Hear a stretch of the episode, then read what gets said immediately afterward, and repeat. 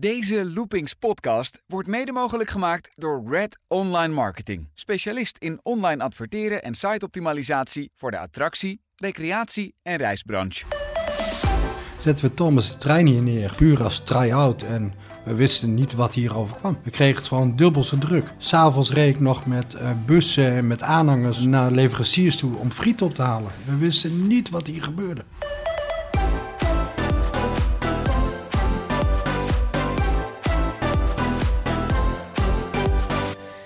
Het is 1 maart, goed dat je luistert naar de Loopings podcast. Mijn naam is Wessel Wit. Nederland telt ontzettend veel attractieparken, maar hoe val je als klein pretpark nou op tussen het geweld van die grote jongens? Ik praat erover met Jeroen Buter. Hij is de algemeen directeur van de Juliana-toren in Apeldoorn. En dat doe ik op een eh, niet alledaagse plek, want we zitten op dit moment in de kassahuisjes van de Juliana-toren. Hier eh, zit je ook niet elke dag, hè Jeroen? Nee, ik denk, eh, zoals je ziet is er volgens mij gisteren de muur nog gestouwd. het is eigenlijk op dit moment de enige plek waar wij even rustig iets kunnen opnemen. Alles is vol. Ja, want je zou denken, Juliana-toren is gesloten, dus het is lekker rustig daar, maar niets is minder waar. Nee, ik denk dat zelfs nu, nou, een man of 50 is er vandaag wel aan het werk, denk ik. 50 man. Ja. En, en wat voor dingen doen die dan hier? Ja, het is voornamelijk eh, technische dienst, technisch onderhoud en ja, schuren, schilderen, planmuren, metselen, decoreren. Eigenlijk alles wel. Zodat het straks begin april weer helemaal picobello erbij ligt. Ja, ja we zijn eh, met hoge druk bijvoorbeeld aan het spuiten met twee mensen.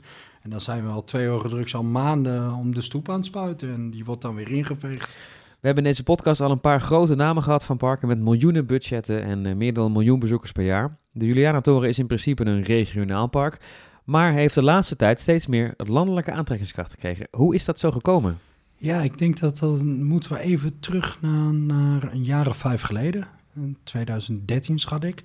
Net in de crisistijd, einde van de crisistijd. eh, we draaiden eigenlijk niet zo goed meer. En we draaiden eigenlijk relatief altijd heel stabiel. En normaal als wij niet goed draaien, dan komt het door het weer. En het was goed weer en we draaiden niet zoals het hoorde. Dus we merkten eigenlijk ook van, ja jongens, dit gaat niet goed. We moeten iets anders gaan verzinnen. En uiteindelijk, eh, na wat directieoverlegen, hebben we gezeten van, ja, we kunnen eigenlijk twee dingen doen.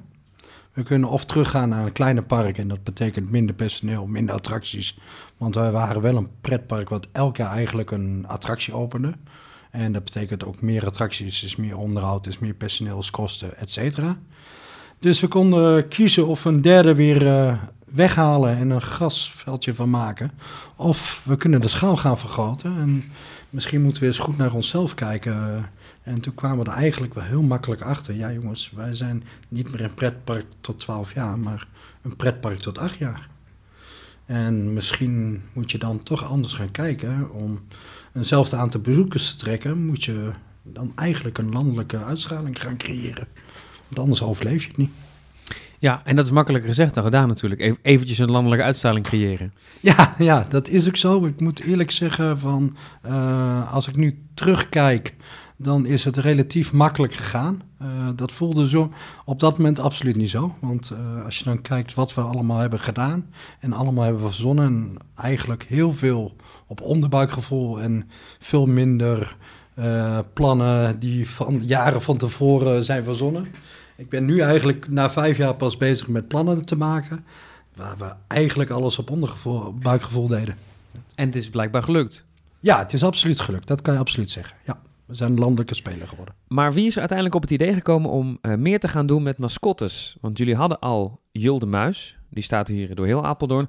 Maar ineens eh, bleef het daar niet bij. Ja, dat klopt. Eh, ook in 2013. Ehm het was eigenlijk een heel makkelijk verhaal. Ik ging eh, met mijn kinderen naar het Dolfinarium. Daar was een fandag van Dora en Jaco. En eh, mijn kinderen waren naar Dora en Jaco. En eigenlijk helemaal niet naar het Dolfinarium. De, die de waren- Nickelodeon figuurtjes wilden Ja, ze de, zien. de Nickelodeon fandagen waren bij, eh, bij het Dolfinarium. En daar wilden ze heen. Ik denk, ja, als zij het kunnen, kan ik het misschien ook wel. En zo is het eigenlijk hier geboren. En wij zetten hier, in dat geval in 2014 volgens mij, zetten we Thomas de trein hier neer. Voor acht dagen eigenlijk, puur als try-out. En we wisten niet wat hierover kwam. We kregen het gewoon dubbel zo druk. S'avonds reed ik nog met eh, bussen en met aanhangers eh, eh, naar leveranciers toe om friet op te halen. We wisten niet wat hier gebeurde. We, alle parkeerplaatsen stonden vol. Uh, we parkeerden in de bermen tot aan, ja, in dit geval bij Paleis het Lowe Apel. Ligt hier dichtbij, maar alles stond vol. En allemaal door een treintje eigenlijk? Ja, door een blauw treintje. die ik dan wel kende omdat mijn kinderen het kenden. Maar ik denk, ja, als dat zo makkelijk gaat, dan moeten we nog een test doen. En dat hebben we gedaan met een ander karakter. Hebben we in september. Ik denk, misschien ligt het aan de tijd. Nou, eens kijken in eind september. Weet je nog welk karakter dat was? Ja, Angelina Ballerina. Oh ja, ook van tv. Ook van tv, van Nederland 3. Ja. En uh, een weekend er neergezet. Terwijl we eigenlijk nooit bezoekers kregen in het laatste weekend van september. Dat was, moest het wel heel goed weer zijn als het druk werd. Ja, het is weer een gekhuis. En dat heeft je ogen geopend? Ja, het heeft mijn ogen zeker geopend, maar ook aan twee kanten. Want aan de ene kant uh, investeer je in andermans merk en profiteer je daar natuurlijk ook van. Alleen aan de andere kant van, ja, eigenlijk moet je investeren in je eigen merk en niet in andermans merk. Nee, want je bent eigenlijk Thomas de Trein aan het promoten, bedoel Ja, klopt. Ja, en hoewel dat dan wel bezoekers oplevert, zou het dan nog mooier zijn om je eigen mascottes te hebben die zo populair zijn? Nou ja, dat was later het idee, ja. ja. Het, uh, ik leerde Michael Verhoorn kennen, daar huurden wij het entertainment van. En uh, daar zat ik aardig mee te brainen altijd van, hoe kunnen wij het anders aanpakken dan andermans merk te sponsoren. En toen zijn jullie samen eigenlijk op het idee gekomen van, misschien moeten we wat meer doen met die Julde Muis. Ja, ja Michael uh, uh, zit nog steeds zelf in de musicals. En elke zaterdagmorgen tussen, nou, laten we zeggen, 8 en 10, als hij naar Groningen reed, uh, zaten wij te breden twee uur lang in de auto. Ja. En hoe ging dat? Ja, dat ging eigenlijk, oké, we hebben een muis, we hebben nog een muis. Maar ja, een muis kan niet praten. Heeft een muizenstem? Nee. Eigenlijk had nergens een muizenstem of een karakter. Nou, laten we dat eens gaan veranderen. Maar eigenlijk moeten er ook menselijke karakters bij, want die kunnen de kinderen ook aanspreken. En eh, in een tv-serie nu dan hebben ze een stem, maar zover waren we toen natuurlijk nog niet. En aangezien ik zelf een hekel had om in de media te komen, hebben we een directeur verzonnen die dan het verhaal ging vertellen. En, en met, een, eh, met een vrouwelijk personage daarnaast. Ja, iets later in de, in de tijd, het eerste jaar, zijn we eigenlijk gestart. Uh, we hadden het idee van, oké, dan moeten we die muizen ook op een voetstuk gaan zetten. Dat moeten gewoon pop-idolen worden. Je zou nu YouTube-idolen zetten. Maar in die tijd uh, was YouTube natuurlijk nog niet zo groot. Um, dus ja, hoe kunnen we dat doen?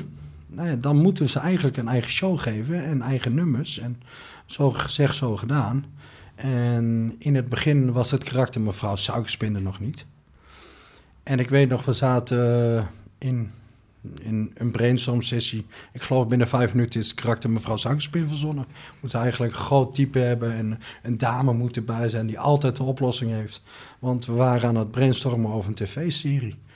En ja, dat, binnen vijf minuten was ze er. En we hebben er eigenlijk zo uit het niks in de park gegooid. En iedereen ging door de knieën en ze waren, de kinderen waren eh, meteen fan. En niemand kende, kende heel het karakter niet. Want de tv-serie kwam pas uit in mei, geloof ik, of zo. Je moet zo'n tv-serie eh, produceren. Dan is nog de vraag, ga je die dan op YouTube zetten... of kun je het verkopen aan een landelijke partij? Uh, het is jullie gelukt om hem op RTL te krijgen. Ja, ja um, zeker in die tijd was YouTube niet zo groot als nu. Ik moet eerlijk zeggen, als ik de keuze nu moet maken durf ik niet te zeggen wat ik zou doen. Op dat moment hadden we absoluut tv nodig, omdat we naar een landelijk pretpark uitstraling wouden. Dus dan heb je ook tv nodig, zeker in die tijd. Massamedia. Um, het is nu eigenlijk NN geworden. Het is NTV en ook op YouTube. En nu zitten we in het scenario dat de kinderen hier niet per se meer komen voor de attracties, maar ook om de shows te zien. Uh, absoluut. Ik denk dat het een totale beleving is. Uh, je praat niet meer over een attractiepark.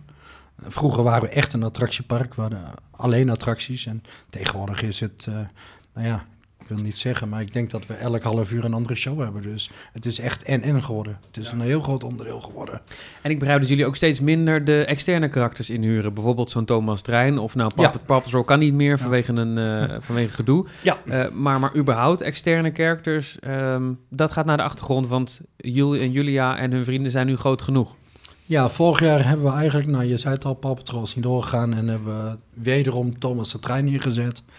En dat was niet zo'n groot succes. Op het moment dat ik een uh, verjaardag van mijn eigen karakter hield, had ik het drukker uh, commercieel gezien dan met Thomas de Trein. Dus ook dat was weer een oogopener van, hé, hey, we zijn nu zover. Ja, ja, ja. absoluut. Uh, we zullen meer op ons eigen entertainment richten, wat, wat eigenlijk al jaren zo was hoor. Alleen we hebben het weer geprobeerd om in september een externe entertainment neer te zetten. Uh, dat is niet gelukt. En hoe komt dat dan? Is dat omdat die, die karakters, die externe karakters van Nickelodeon of noem het maar op, op heel veel plekken te, te zien zijn? Of omdat ze gewoon überhaupt minder populair worden? Ik denk dat ze überhaupt uh, niet de populariteit hebben als vroeger. Een familievlogger à la de Bellinga's, La Cap, die hebben denk ik uh, nu meer fans dan Thomas de Trein. Nou, die landelijke uitstraling, dat is dus dankzij de tv-serie en dankzij de characters gelukt. Maar dat wil niet zeggen dat jullie hier kunnen groeien naar een miljoen bezoekers per jaar. Nee, dat is ook zeker niet de bedoeling. Uh, we zitten gemiddeld op 300.000 bezoekers. Dat is een mooi aantal. We gaan meer voor kwaliteit dan voor kwantiteit. Wij komen van 450, 500.000 bezoekers af. En we hebben echt bewust gekozen om uh, naar minder bezoekers. Want anders is dit het park waar het altijd druk is en dat is nu niet meer zo. Juist, dat is eigenlijk de bedoeling, ja. En je zegt we gaan voor kwaliteit. Dat heeft ook te maken met de problemen die jullie hebben gehad de afgelopen decennia. Met het bestemmingsplan, met de gemeente, met uh, nieuwe attracties openen. Want ik denk dat jouw dromen veel verder rijken dan wat je hier nu ziet uh, in het park. Ja, dat is absoluut waar. Uh, aan de andere kant moeten we blij zijn met de juridische status die we nu hebben. maar de plannen zijn veel groter, dat klopt. En ooit kunnen we die misschien realiseren. Kun je iets vertellen over dat proces, hoe dat gegaan is? Want als ik me niet vergis, had Juliana Toren een bestemmingsplan daterend uit de jaren 40. Ja, klopt. Het uh, heette toen nog geen bestemmingsplan, het was het uitgangspuntenplan. En uh, eh, 1947, en heel simpel, het was bestemming bos en geen pretpark. En wat zegt dat dan voor die attracties die er staan? Uh, wij hebben in ik geloof in 97 een milieuvergunning gekregen. En dat gaf mij een juridische status dat ik bestond. Want anders bestond ik helemaal niet als pretpark. Nu is er een bestemmingsplan. Dan kijken we vooruit naar de toekomstplannen van de Julianatoren. Uh, jullie hebben een tijdje geleden zelfs een spinning coaster aangekocht.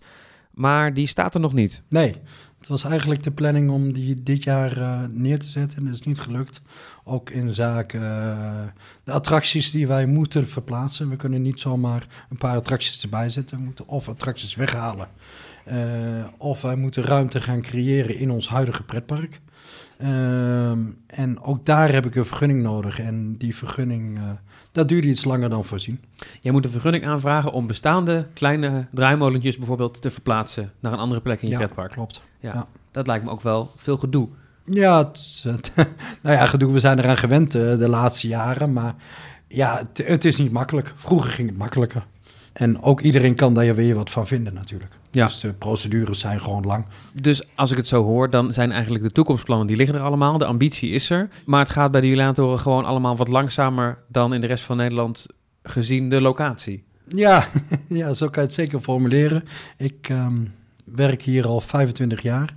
En ik ben zeker al 20 jaar bezig met een bestemmingsplan, wat we dan gelukkig uh, vorig jaar in juli, augustus hebben gekregen. En hoe zit het met de uitbreidingsmogelijkheden? Los van wat wel en niet mag, hebben jullie hier veel grond tot je beschikking? Uh, het pretpark zelf in ons bezit, maar ook de gronden eromheen.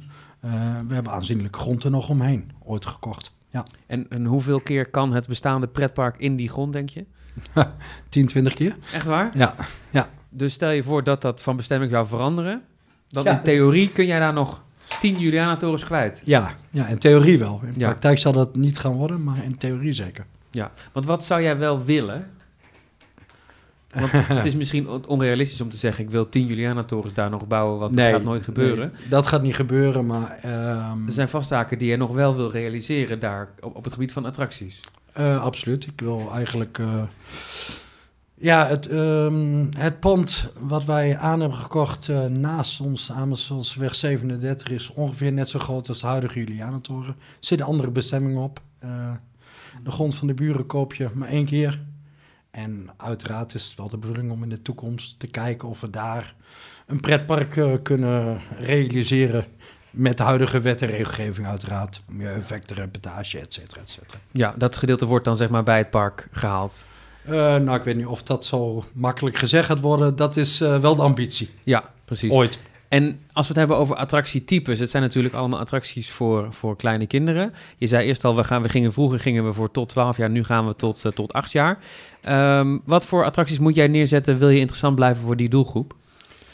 Ja, je moet goed kijken naar je, je doelgroep. Uh, en nu is het nog tot 8. Je zei terecht, het was vroeger tot 12 en misschien over 5 jaar is het tot 6. Uh, we proberen de huidige attracties ook in andere themagebieden te zetten. Daar zijn we net mee begonnen. Ook ze hoger te zetten of net anders neer te zetten, dat het net iets spannender is. Ja, want je bedoelt met misschien straks tot 6 dat kinderen gewoon steeds harder, hoger en sneller zoeken. Ja, ja eigenlijk wel. Het harder, hoger en sneller effect, ja. Ze durven ook steeds ja, meer. Ze durven meer, ze zien meer. Jij moet steeds extremere dingen gaan neerzetten. Ja, de vraag is of je extreem uh, meegaat. Uh, je zal in ieder geval in je thematisering mee moeten gaan. En relevant blijven voor je doelgroep.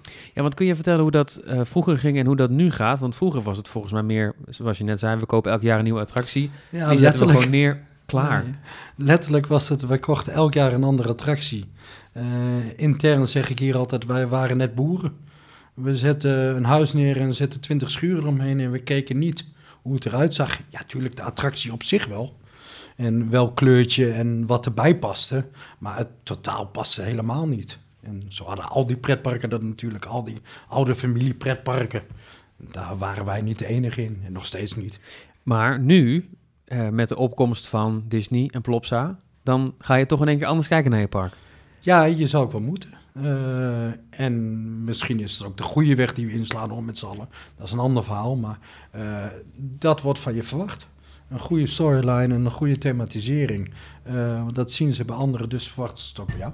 En hoe kun je nou van zo'n, van zo'n Juliana-toren, van zo'n park waarbij eigenlijk alle attracties een beetje los door elkaar staan, zonder een samenhangend thema, hoe kun je daar nou themagebieden in creëren? Dat lijkt me een ontzettende leuke opgave. ja, dat was het ook. Dat moet ik eerlijk zeggen. Dat uh, heeft aardig wat uh, nachtjes uh, gekost om te bedenken. uiteindelijk ja, hebben we een ideale situatie bedacht. onze karakters, ehm, de opa van Jules en de oma van Jules, die reisde vroeger op een boot en de huidige meneer Kaasgaaf, onze directeur, was daar de matroos. Die zijn de wereld rondgegaan, hebben elk continent gezien en overal waar ze waren, ze heel veel plezier hebben beleefd, hebben ze uiteindelijk een stukje plezier meegenomen. Want opa en oma werden te oud, konden niet meer op de boot rondzwerven en zijn uiteindelijk in Apeldoorn gekomen en hebben elk stukje plezier meegenomen, hebben er een hek omheen gezet, een grote toren gebouwd om te kunnen communiceren met hun vrienden. En zo is de Juliana-toren ontstaan. Als ik hier binnenkom, dan kom ik meteen in een prehistorisch landschap. Ja, dus correct. dat is al een themagebiedje. Ja, het land van toen. Uh, maar dat is het begin van het park. En dan heb ik daar verder nog een, een soort uh, piratengebied heb ik nog. Dan is er een, een, een nieuw Mexicaans gebied waar jullie ja, mee bezig zijn. Dus, West-Mexicaans uh, gebied. Ja, ja, dus langzaam maar zeker ontstaan daar toch die themazonnetjes in het park. Ja, hoe, normaal gesproken is uh, hoe groot ons pretpark is, is ergens anders een, een themagebied. en wij proberen toch uh, langzamerhand naar uh, ja, kleinere themagebiedjes te gaan. Klopt. En achterin het park heb ik dan nog een soort natuurgebied, hè? Met, een, met weer een ander karakter. Ja, dat is eigenlijk uh, ons karakter en die is eigenlijk geïntroduceerd voor de 6 tot 8-jarigen. Uh, het zit meer op de natuur. We liggen natuurlijk uh, op de Veluwe. de natuur, dat is wat ons ook uniek maakt, buiten onze toren uit, onze karakters. we zijn een van de weinige pretparken die nog in de bossen ligt. En dat hebben we eigenlijk in de vorm, wel op de eigen Julianentoren manier. Uh, en daar is een speurtocht, er is ook een YouTube-serie voor gemaakt. En uh, ja, dat is uh, goed aangeslagen. Wat zijn nou attracties die, los van wat realistisch is, wat je wel niet mag bouwen, nog echt bij de Julianatoren zouden passen? Nou ja, wij missen heel erg natuurlijk een waterattractie. En dat kan of een boomstamride zijn. Dat kan ook een grotere rafting. Uh, ja, dat zijn, uh, ja. dat zijn dromen natuurlijk. Uh, dat is wel iets wat ik mis, absoluut. Ja. Het huidige aanbod. En hoe groot is dan de kans dat die daadwerkelijk bijvoorbeeld over een jaar of vijf hier staat, zo'n wildwaterbaan? Nou ja, laten we hopen dat die er dan staat.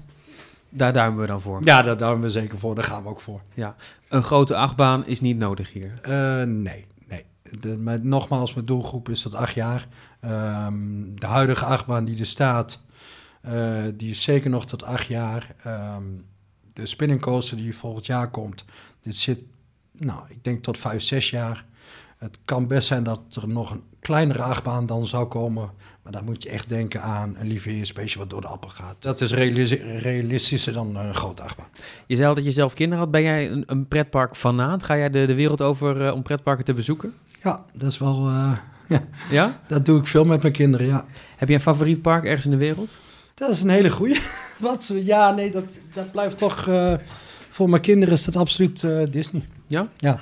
Dus, dus misschien voor je ook wel, omdat je kinderen het daar naar je zin hebben. Ehm, zonder mijn kinderen is Disney al mijn favoriet. En hebben we het dan over Parijs?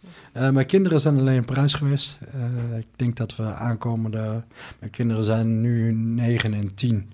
Worden 10 en 11. Dus eh, ik denk dat we aankomende oktober, november... eh, richting USA gaan. Kijk. En dat is volgens mij ook een plek waar jij wel eens komt om, eh, om eens een pretparkbeurs te bezoeken. Ja, dat hebben we ook gedaan. En ook daar hebben we natuurlijk in Anaheim hebben we Disney bekeken. We hebben ook in Orlando... ja, Hoe gaat het als jij op een pretparkbeurs loopt? Is dat als een kind in een snoepwinkel? Eh, eerder wel. Alleen, ehm, nou ja, door onze problematiek is dat ook wat moeilijker natuurlijk. Je kunt wel van alles Eh, kopen, maar als je die kan ja, neerzetten. nou ja. We hadden het voorbeeld van de achtbaan en eh, de touwen. Dus eh, om dat nog een keer te, te gaan doen, eh, ben ik bang voor. Dat lijkt me niet verstandig. Maar dan moeten ideeën door je hoofd schieten als je door zo'n beurs loopt. Nee, absoluut. Het is aan de andere kant, eh, wij, nogmaals, we waren een attractiepark en zetten elk jaar een andere attractie neer. Ehm, doordat we anders moesten gaan denken, zijn we natuurlijk wel richting de entertainment kant op gegaan. Dat is wel de reden. Want mochten wij gewoon in het bestemmingsplan elk jaar een attractie neerzetten, dan hadden we denk ik nooit entertainment hier gehad. Denk je dat andere parken, andere, eh, eh, nou ja, zeg maar de kleinere parken in Nederland, jaloers zijn op wat jullie klaar hebben gebokst eh, in een paar jaar tijd op imago-gebied? Dat weet ik niet. Ik, ehm, het heeft ook aardig wat eh, budgetten gekost natuurlijk. En van een regionale speler naar een landelijke speler. eh, ja, dat moet je ook kunnen en moet je ook willen. Zou dat je advies zijn? Stel je voor dat er, dat er kleinere parken zijn in Nederland die denken, ja, dat zou ik ook wel willen. Is dan echt entertainment eh, het geheim, het sleutelwoord? Nee, zeker nu niet meer. In die tijd dat wij het deden, elk pretpark had bijna entertainment weggesaneerd. Entertainment is natuurlijk een hele dure vorm. Ja. En elk pretpark, zelfs in de Efteling, eh, was het entertainment voor twee derde weggesaneerd. Entertainment is te duur in tijden van eh, crisis. Dus het is geen gouden formule die je even uit een hoge hoed kunt toveren. Nee, dat is het ook niet. Ik denk wel dat je heel goed naar je eigen doelgroep moet kijken. Ehm, wat ik al vertelde, het was voor mij iets makkelijker omdat mijn kinderen in mijn eigen doelgroep zaten. Dus wat heel logisch is voor mij, is voor iemand anders niet logisch. Bij ons heb je familietoiletten. Ja, dat zie je bijna nergens, familietoiletten. Maar als ik gewoon met mijn kleine jongen een plasje wil plegen, ja, dan was dat altijd een probleem, ja. En dan is het hier makkelijk om even een familietoilet te bouwen waar je en een commode hebt en papa ook een plasje kan doen. En dat je je kind niet alleen hoeft neer te zetten ergens bij een wildvreemde als je met z'n tweeën naar een pretpark gaat. Dus heel veel dingen heb je ook gewoon bedacht, gewoon vanuit je eigen behoeftes, Ja. vanuit je eigen leven. Ja, dus dat zou misschien een tip zijn van, kijk naar waar er- je zelf eh, nou ja, en, je, en je kinderen behoefte aan hebben. absoluut. En anders neem een kind weer, dat helpt ook wel eens. Mijn vrouw wou dat niet meer. Ja, precies. Ehm, de, de Julianatoren heeft al eh, heel lang dezelfde eigenaar. Er worden in Nederland wel eens eh, parken overgenomen door buitenlandse spelers. Eh, de, de Plopsa Group is hard op zoek naar een locatie in Nederland. Nog een locatie. Eh, is de Julianatoren te koop? Nee, Julianatoren is niet te koop. Ehm, in principe, als onze huidige eigenaar overlijdt, is er een stichting die de Julianatoren overneemt. En ehm, nee, Julianatoren is niet te koop. Dus het scenario dat eh, dit park wordt overgenomen en eh, onder een andere eigenaar verder gaat, dat is totaal niet aan de orde.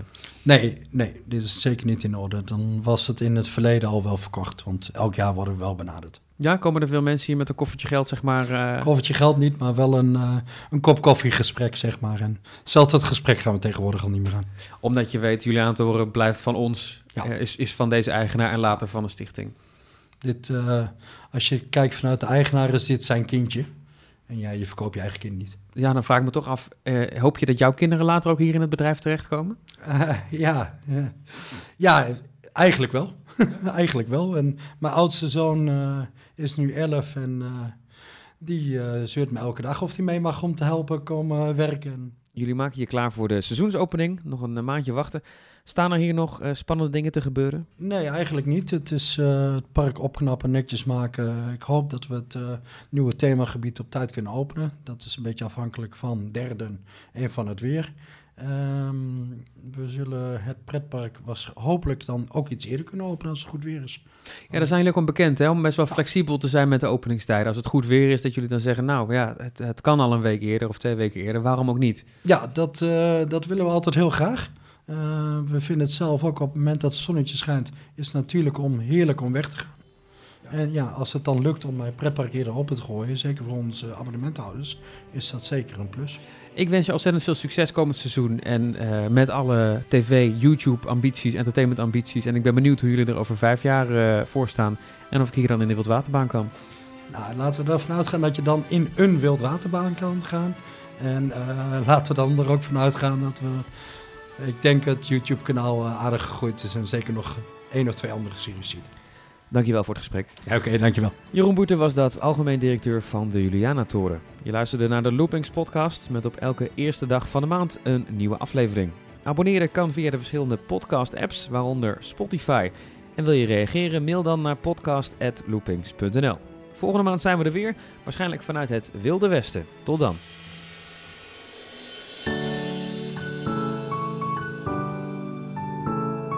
Deze Loopings podcast werd mede mogelijk gemaakt door Red Online Marketing. Specialist in online adverteren en siteoptimalisatie voor de attractie, recreatie en reisbranche.